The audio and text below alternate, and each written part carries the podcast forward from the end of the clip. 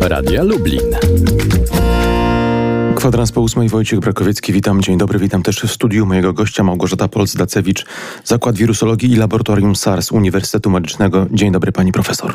Dzień dobry panie redaktorze, dzień dobry państwu. Pani profesor, mamy takie wahania, jeżeli chodzi o wykrywalność chorych, zarażonych, zarażonych wirusem, koronawirusem w ubiegły weekend, ten, który za nami. W sobotę ponad 900 przypadków, dzisiaj wczoraj może tak bardziej, y, ponad 500. Skąd biorą się te różnice? Y, tak, y, no to cały czas jest właściwie pierwsza fala y, zachorowań, bo te zachorowania nie spadły tak do zera i ma, nie mamy nowego nawrotu, tylko te zachorowania się wahają. Oczywiście wtedy, kiedy były bardzo surowe obostrzenia wprowadzone, kiedy był lockdown, kiedy y, był zakaz właściwie wychodzenia w domu za wyjątkiem nagłych potrzeb i nagłych sytuacji, to w, ten, dzięki temu udało się y, ograniczyć liczbę przypadków do nawet było 200-300 przypadków dziennie. Kiedy te obostrzenia zostały zdjęte, rozpoczął się okres urlopowy, sezon wakacyjny. Ludzie zaczęli masowo wyjeżdżać w, no, w Polsce i zresztą widzimy na to na obrazach, na zdjęciach w telewizji, prawda, jak strasznie dużo ludzi przebywa w tych miejscach wczasowych. Mm, Dopytam to zatłoczenie. Pani, dopytam, to, po, pozwoli pani tak. profesor, za sekundę o tym mm, zatłoczeniu, bo do tego będziemy pewnie wielokrotnie jeszcze wracali w rozmowie, ale wspomniała pani o pierwszej fali. Tymczasem w wielu mediach słyszymy, że mamy do czynienia z drugą falą. No nie sądzę, żeby to była druga fala. To jest wzrost. Tam był spadek y, zachorowań, a teraz mamy wzrost zachorowań. Przy czym to nie jest systematyczny wzrost zachorowań, tylko to są wahania. Prawda? Jednego dnia było 700, innego było 800, później znowu spadło na 500. Przedwczoraj było 900 przypadków, wczoraj ponad 500. Jak będzie dzisiaj, y, zobaczymy. Y, na pewno na pewno zakażenie się szerzy, to jest z całą pewnością, ale y, mamy dużo lepszą diagnostykę, bo jest dużo laboratoriów, wykonuje się bardzo dużo testów, no i stąd jest możliwość wykrycia bardzo wielu przypadków no, bezobjawowych zakażeń. W tym lubelskie prawda? laboratorium prowadzone przez panią profesor.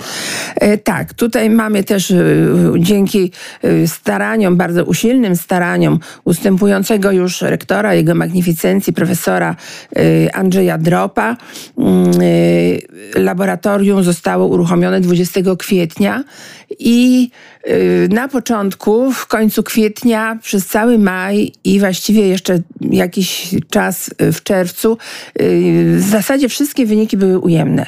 Teraz oczywiście już od tamtego czasu mamy wyniki dodatnie, zdarzają się, pewnie, że nie codziennie, ale są dwa, trzy, cztery wyniki. Nawet często są to osoby z rodzin. Całe rodziny są zakażone. Czy ten wirus, z którym mieliśmy, z którym mieliśmy do czynienia na początku pandemii, to jest ten sam wirus, z którym mamy do czynienia w tej chwili? E, nie, właśnie okazuje się, że y, wirus krążący obecnie jest mutantem tamtego wirusa. To jest całkiem inny, zresztą koronawirusy, wirusy RNA w ogóle są wirusami, które szybko mutują.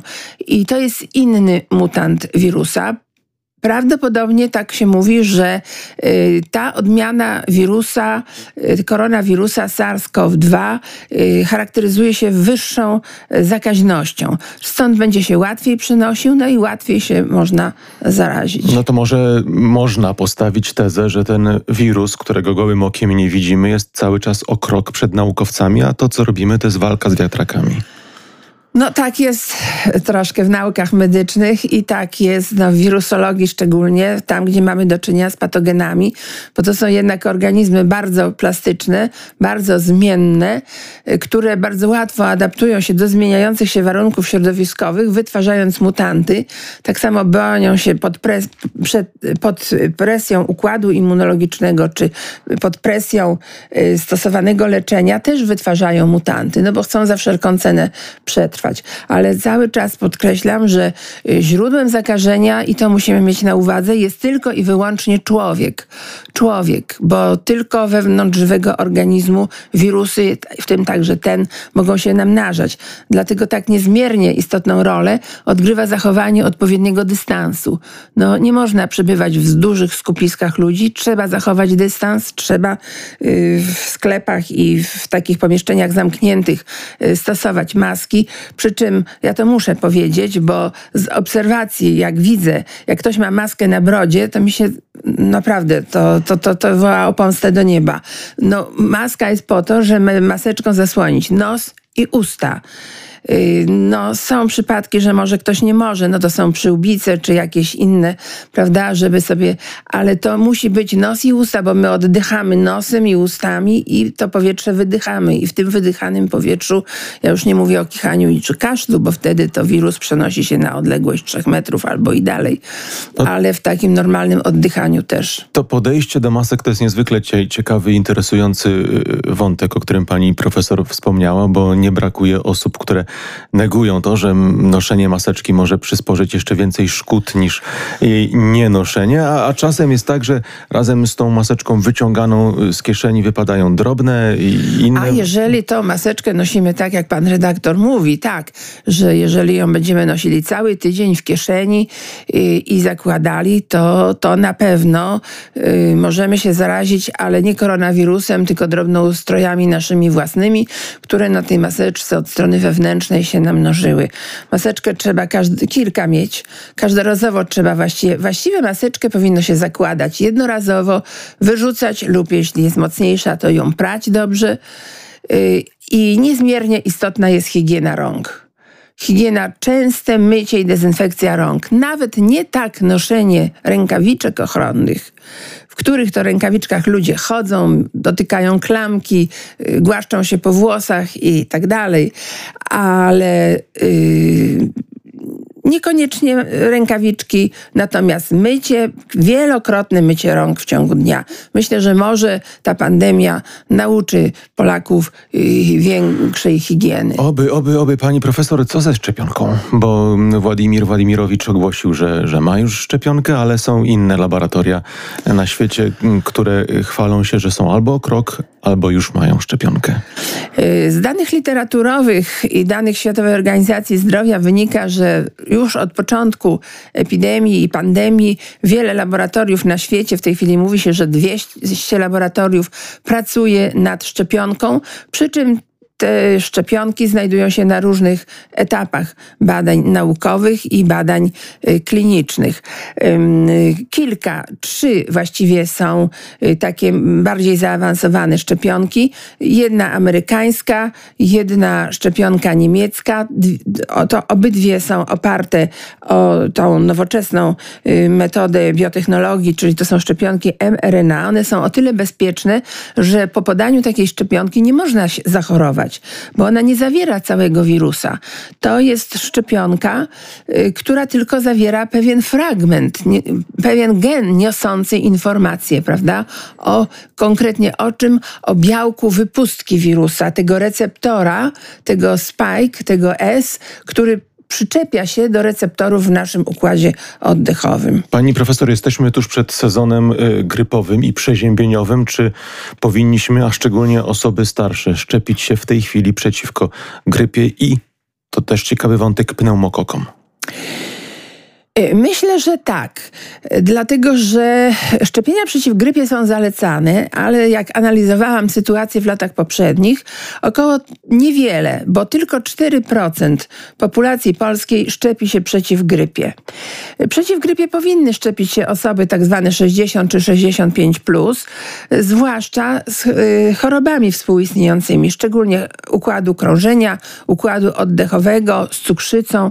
To są osoby szczególnie szczególnie narażone na zakażenie różnymi patogenami, a mamy sezon, jak pan redaktor wspomniał, y, zbliża się sezon y, jesienno-zimowy i w związku z tym zwiększona zapadalność na zakażenia układu oddechowego i teraz będą się nakładały. Będziemy mieli problem diagnostyczny, prawda? Ile jest SARS-u, ile jest grypy w SARSie, ile SARS-u jest w grypie i ile jest jakichś innych zakażeń. Poważne wyzwanie przed nami. Na koniec już bardzo króciutko pani profesor y, poproszę. Zdrowie publiczne to jest czasopismo wydawane przez Uniwersytet Medyczny w Lublinie. Pismo bardzo specjalistyczne, trafiające przede wszystkim do instytucji naukowych, ale ten numer, który w tej chwili będzie się ukazywał, to numer specjalny, który będzie e, rozsyłany i dostępny dla szerszego grona. E, tak, to będzie, to jest numer specjalny poświęcony właśnie wirusowi SARS, epidemii wirusa SARS. To jest numer wydany w języku polskim, bo normalnie czasopismo wydawane jest w języku angielskim, który będzie, tak jak pan redaktor wspomniał, wysyłany do szkół, do różnych instytucji, do szerokiego grona odbiorców, żeby jak najwięcej osób miało możliwość zapoznania się y, z objawami, z, perspektywą leczenia, szczepionki. No to może troszkę niektóre informacje są przestarzałe, bo pisaliśmy to w kwietniu, a dzisiaj mamy już y, sierpień, ale na przykład jeden z artykułów traktuje o kontrowersjach, bo są obawy pacjentów, którzy biorą leki kardiologiczne, czy brać, czy nie brać, więc należy brać. Tam są wyjaśnienia, a także pewne aspekty natury psychologicznej dotyczące różnych obaw, fobii, lęków, strachów przed tym wirusem. I na koniec może powiem, że nie trzeba popadać w panikę, trzeba wiedzę czerpać z wiarygodnych źródeł, yy, udokumentowanych, popartych badaniami naukowymi, faktami naukowymi, no i nie bać się, dystansować się, zachować wszystkie te środki ostrożności. I dystansujmy się, dostosujmy się do tego, do co pani profesor e, zalecała. Bardzo dziękuję. Małgorzata Pols-Dacewicz z Zakładu Wirusologii i Laboratorium SARS przy Uniwersytecie Medycznym. Bardzo pani profesor dziękuję. Dziękuję serdecznie.